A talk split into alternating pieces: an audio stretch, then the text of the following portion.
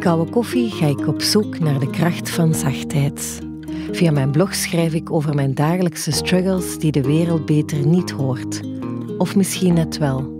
Gepeperd met kwetsbaarheid en een gezonde portie zelfrelativering. Tijdens mijn podcast ga ik samen met mijn gast op zoek naar een alternatief voor de patronen waar we tegenaan lopen. De kracht van zachtheid, aflevering 6 met Wouter Torfs over leiderschap vanuit het hart. Welkom, Wouter. Dank u, Lore. Ik zou jou kunnen inleiden met een hele bloemlezing over jouw succesvolle carrière als bedrijfsleider, maar wil het vandaag met jou zeer graag hebben over de boeiende zoektocht van de mens achter de CEO. Laat mij beginnen met een citaat uit het boek van Brené Brown over moedig leiderschap. Ik citeer. Leidinggevenden moeten ofwel een redelijke hoeveelheid tijd investeren in aandacht voor angsten en gevoelens van hun medewerkers, ofwel verspillen ze veel tijd aan het managen van onproductief gedrag. Als leidinggevende dienen we ook aandacht te geven aan onze eigen angsten en gevoelens en onze geschiedenis. Met andere woorden, dienen we nieuwsgierig te zijn naar onze eigen blinde vlekken. Zo kunnen we hetgeen we overleefd hebben gaan gebruiken om compassievoller en empathischer te zijn.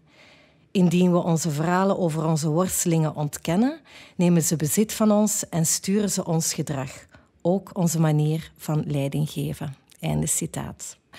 Ik zelf ben me er lang niet bewust van geweest hoe mijn blinde vlekken mijn gedrag stuurden. Ik dacht dat ik mijn grootste kwaliteit, het enthousiasmeren van mensen, enkel inzetten om verandering binnen teams te initiëren.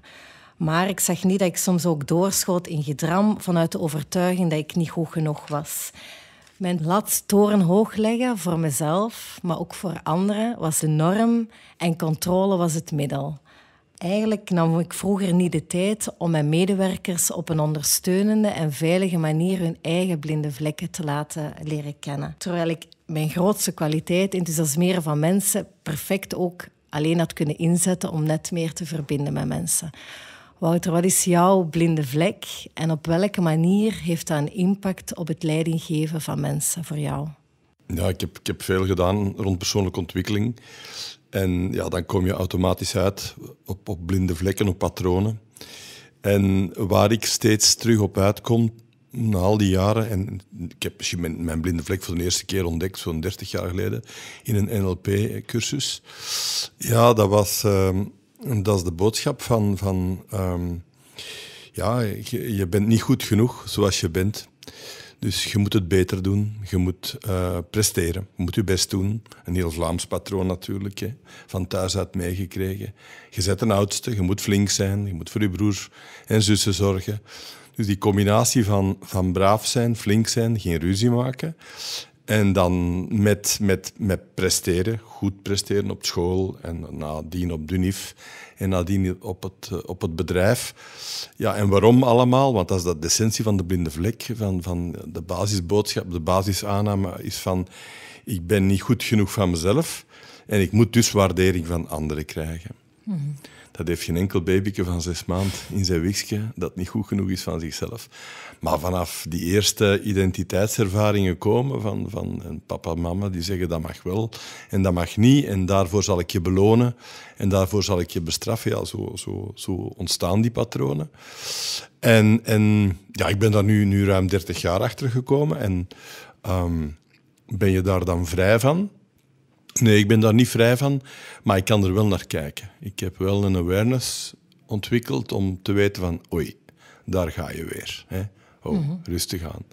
En ik merk wel dat naarmate die momenten van, van bewustzijn en van daarnaar te kunnen kijken groter worden, dat de kracht van het patroon vermindert eh, en vermindert omdat het niet meer onbewust is. Want een patroon dat onbewust is, dat u onbewust pakt, dat is veel krachtiger dan als je kunt beseffen van, oh, ja, nu moet ik even uh, oppassen. Mhm.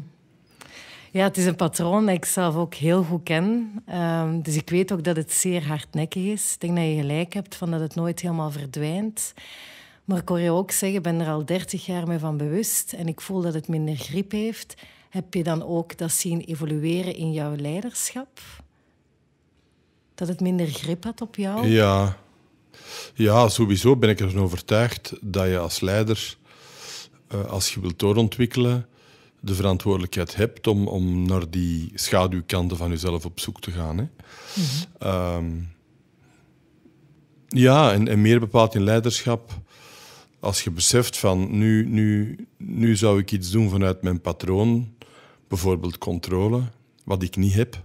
Dat is de, de, prijs ik God voor, maar dat heb ik niet. Um, ja, en dat is, dat onbewust. Ja, dan zal zich dat natuurlijk blijven herhalen. Zolang medewerkers zullen nu er waarschijnlijk wel bewust van maken, maar het zal zich blijven herhalen. Dat probleem, dat, dat patroon van, van um, het goed willen doen, of, of ook wel eens Mr. Nice Guy genoemd, um, dat is geleidelijk aan afgezwakt, denk ik. Uh, maar dat is heel gradueel, dat is heel geleidelijk. Ik geloof niet in van die wondersessies of wonderworkshops waarbij men u belooft van allez, na deze tweedaagse kom de bevrijd naar huis. Dat geloof ik niet. Mm Ik geloof wel in gradueel, stap voor stap, meer bewustzijn, ermee bezig zijn, luisteren naar feedback. Kinderen zijn fantastische leermeesters daarin. Klopt. Uh, partners ook, als ze eerlijk zijn. Uh, en, en zo geleidelijk aan. Mm En vrede hebben met die stukken die dan niet, niet perfect zijn. Hè? Want die zullen er altijd zijn, denk ik. Inclusiviteit. Ja. 360 graden zorgzaamheid, dat is een prachtige missie. Een waarheid ook als een koe, want hoe kan je in godsnaam voor anderen zorgen als je niet zelf eerst goed voor jezelf zorgt? Wat vind jij het moeilijkste aan zelfzorg, Wouter? En misschien bijkomend, ben jij zelf ook al tegen grenzen aangelopen? Ja, voor mezelf vind ik dat niet zo moeilijk, omdat ik mezelf wijs maak van niet zoveel nodig te hebben. Mhm. Ehm, maar als ik luister, dus het is voor mij altijd wel goed. Maar als ik luister naar mijn omgeving, dan, uh, dan krijg ik de feedback van zeker niet de beste zelfzorger te zijn. Mhm. Nee. Op welke manier dan? Wel, als ik nog maar het contrast maak met mijn vrouw, ik vind dat hij dat wel kan dat zo heel bewust zeggen van dat ga ik nu voor mezelf doen en dat dan ook heel bewust doen. Ehm, dat doe ik minder. Ik ben eigenlijk altijd aan het werk. Of toch heel vaak. Maar ik ervaar dat ook niet zo echt als werken. Dus als een gebrek aan zelfzorg. Um, ja.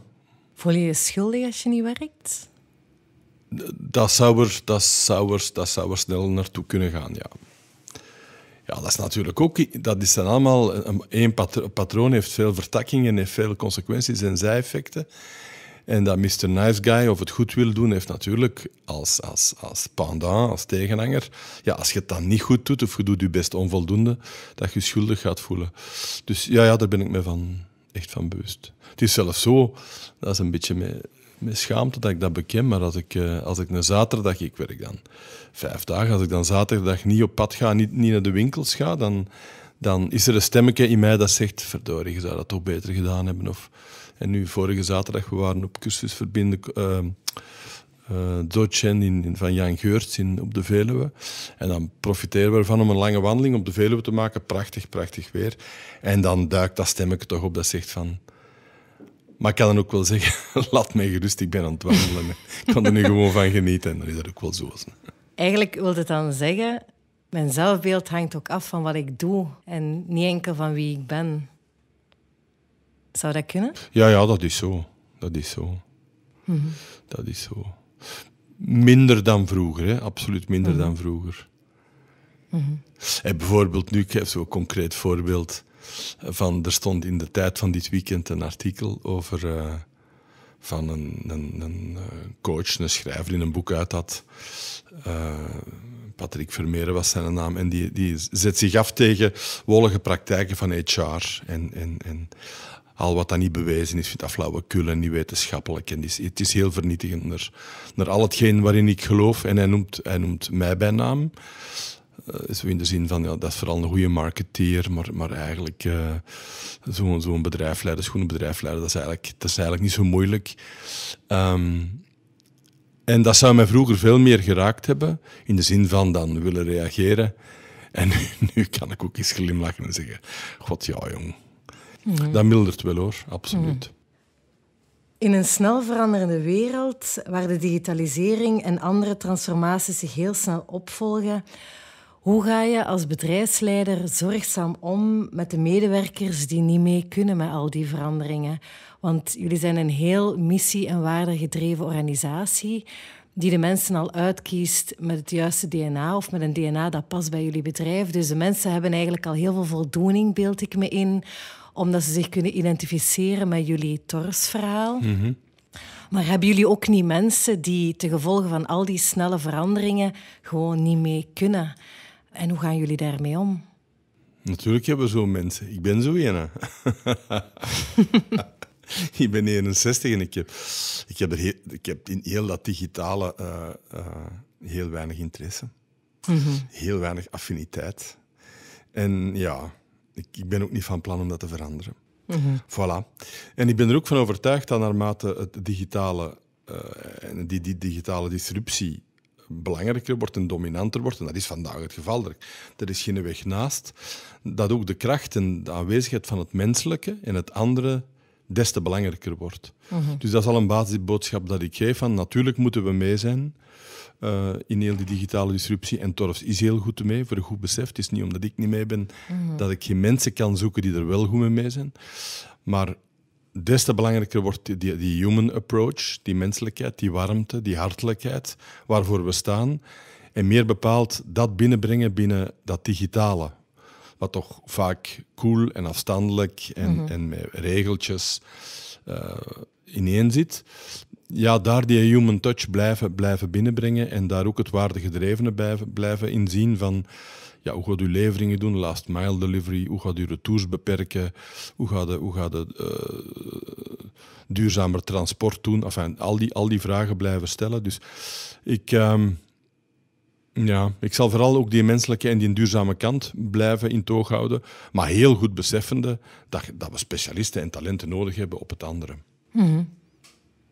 Ja, want onlangs uh, hoorde ik de CEO van PostNL met een oplossing komen. Ik vroeg me af, is dat, is dat een, uh, een goede oplossing voor mensen die echt niet mee kunnen of willen? Ze sprak over een intern outplacement bureau als een soort van veilige bedding om mensen te herscholen en of te heroriënteren. Maar doordat je het intern doet, dat dat eigenlijk een heel veilige bedding creëert, ja. in plaats van de mensen gewoon weg te sturen naar een extern outplacement bureau. Ja. Vindt u dat een mogelijke oplossing om met die mensen aan de slag ja, te gaan op termijn? Ja, want je had de vraag gesteld over medewerkers. Hè. Ik was even uit, uit het oog verloren. Um, ja, ik denk dat die, die aanpak van PostNL voor een bedrijf met de omvang van PostNL, dat is 30.000 man, dat dat perfect een, een, een, goede oplossing kan zijn. Wat betekent dat voor Tors met 700 mensen? Uh, we hebben niet de, de flexibiliteit om, om mensen van job te laten veranderen. Wat gaan we dus wel doen? Dat ten eerste is... Uh, medewerkers, ook verkoopsmedewerkers, toch volop meepakken in dat verhaal. Dus blijven, blijven opleiden, blijven trainen. Niet om daar de, de, de superkrak in te zijn in, in, in, in werken met, met een computer, maar wel om, om basisdienstverlening, om klanten te kunnen doen bij het webscherm in de winkels. En, en goed beseffende dat, dat, dat het niet volstaat om dat één keer uit te leggen. Ik heb ook meer dan één keer uitleg nodig. Van dat te blijven herhalen. Mensen vertrouwen te geven, dat ze dat op hun eigen tempo mogen leren. Dat ze thuis eens wat kunnen oefenen. Hun kinderen, maar dat spreek ik over de vijftigers en de zestigers natuurlijk. En, en, en, een stuk van de veertigers die, die daar niet mee mee zijn. Hè. En dan merk ik, en ook de, de lat niet te hoog te leggen. Gewoon als je de klant kunt navigeren door onze webshop, is dat prima.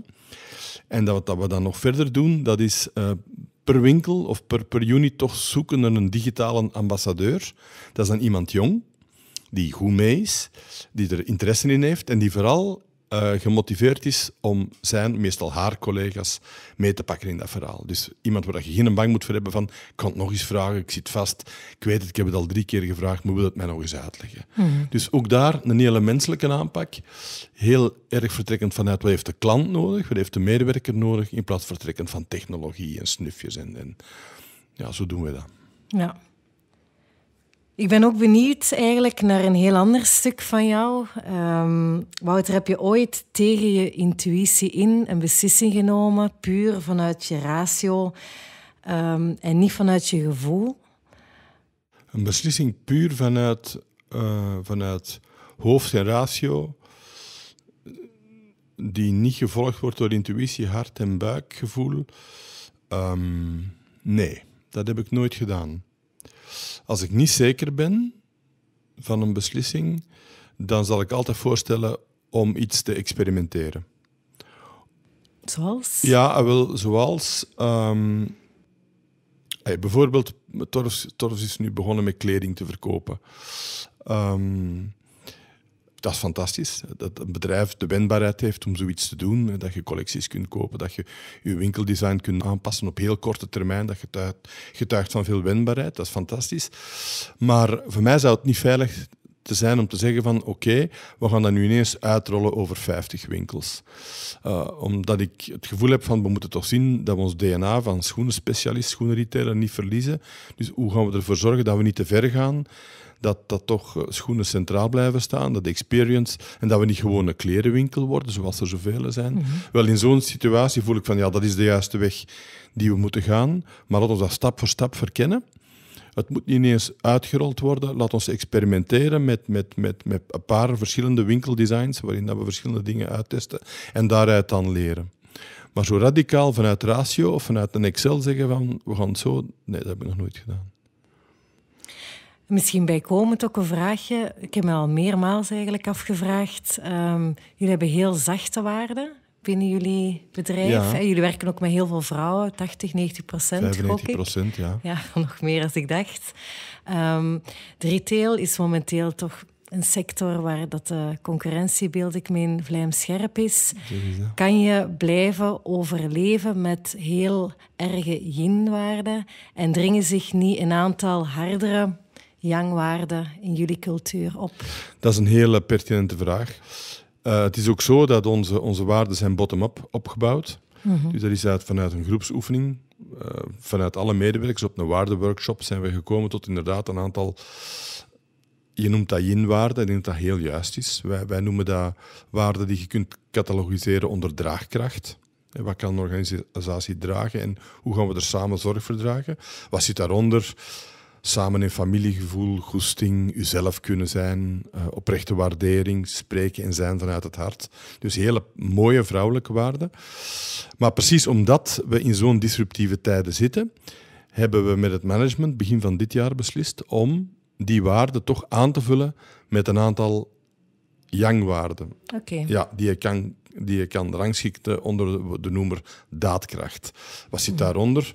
ja, we willen toch ook competitief zijn en resultaatsgericht. We willen innovatief zijn en wendbaar. Wendbaarheid is vandaag superbelangrijk voor retail. Als je denkt dat je het nog tien jaar kunt doen zoals je de vorige tien jaar hebt gedaan, is het game over. Mhm. Dus agility, wendbaarheid is belangrijk. En ownership, verantwoordelijkheid nemen voor wat, dat je, wat dat je doet, is ook belangrijk. Um, we hebben dat voorgesteld aan onze medewerkers, van kijk, dat is niet bottom-up gekomen, dat is eigenlijk vanuit het management gekomen, omdat de context dat nu ene keer vraagt. Dat is niet gemakkelijk. Wat denkt u daarvan? En dan zijn we oefeningen gaan doen, groepsoefeningen gaan doen van oké, om mensen mee te krijgen uiteraard, van allez, neem nu eens de, de, de waarde ownership, verantwoordelijkheid. Mhm. Wat kan dat voor u betekenen als je verkoopster bent in Zottegem om verantwoordelijk te zijn? we hebben gewerkt met de methodiek van de fishbowl, jij zal dat wel kennen, hè, dus grote groepen waar dat mensen naar voren komen en dan in een cirkel van, van zes mensen ja, in een heel, heel intieme sfeer zeggen van ja, voor mij betekent dat. Dat is een oefening die we herhaald hebben, waar dat heel veel is uitgekomen, waar dat mensen echt naar voren zijn gekomen en, en zijn beginnen vertellen, voor mij betekent eigenaarschap dat, voor mij betekent innovatie dat, wendbaarheid betekent voor mij dat. En om dat stilaan te doen leven. Dat is niet met ene workshop opgelost, dat is work in progress.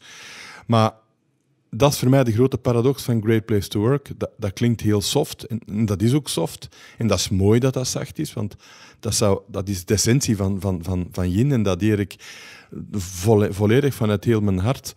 Maar het zou fout zijn om te denken dat dat geen kracht heeft en dat die madame niet zouden beseffen van ho, die kijken ook rond, die zien ook die concurrentie, die zien ook die Zalando, die zien, die zien dat ook allemaal gebeuren en die zeggen ook van wij gaan voor ons bedrijf samen vechten. We gaan er ons best voor doen. En als daar nieuwe kwaliteiten en nieuwe waarden voor nodig zijn, ah wel, dan gaan we die omarmen en, en, dan gaan we dat gewoon doen. En dus dat heel dat verhaal, dat zachte verhaal van Great Place to Work, ik ben ervan overtuigd dat dat is fantastisch als het goed gaat. Dan is dat, dat de feestjes en dat is zalig en persoonlijke ontwikkeling en al wat dat je wilt. Maar op het moment dat het moeilijk gaat, is dat de kracht van, van, van verbinding en weerbaarheid, die op een ander niveau ligt dan de rationele, of ik verdien mijn salaris daar, maar als het er niet goed gaat, dan ben ik weg en dan ga ik ergens anders werken. Dus het is mijn overtuiging dat heel dat verhaal van Great Place to Work en onze sterke cultuur nog veel belangrijker is vandaag, nu het moeilijker gaat, dan in, in de gemakkelijke tijden. Mhm. Mooi. Tot slot, Wouter, wat betekent voor jou zachtheid? Zachtheid. Ehm. ja, dat is iets um, ja, dat mij heel nauw aan het hart ligt. Ik heb, uh, ik heb drie dochters. Ik denk nu, die komen nu spontaan op. Um, ik denk dat de samenleving daar meer nood aan heeft. Uh, er wordt zo tegen elkaar geroepen. Het is nu in de dagen voor kerstmis zeker. Hè. Wordt zo, zo worden zo'n straffe standpunten ingenomen vanuit het hoofd. En, en, en zachtheid wordt misschien al eens afgedaan als, als flauw of, of, of watjesachtig. Of, mm -hmm. uh, maar ik denk wat, dat, wat bedrijven nodig hebben en wat de samenleving nodig heeft, dat is inderdaad dat stuk zachtheid. Vrouwen brengen dat binnen, dat is zeker zo. Maar ik denk dat het ook nodig is en goed is dat mannen daar ruimte aan geven en dat erkennen als waardevol en absoluut noodzakelijk. En dat is waar ik 100% geloof, uh, ook voor ons bedrijf en waar dat we proberen, dat proberen dag in dag uit uh, in praktijk te brengen. Dank je wel voor het open gesprek. Dank u wel. Fijn dat je even tijd nam om te luisteren. Via de website kouwekoffie.be kan je je inschrijven op mijn nieuwsbrief en zo blijf je op de hoogte van mijn nieuwe blogs en podcasts. Ik kijk uit naar jullie reacties en graag tot een volgende keer in zachtheid.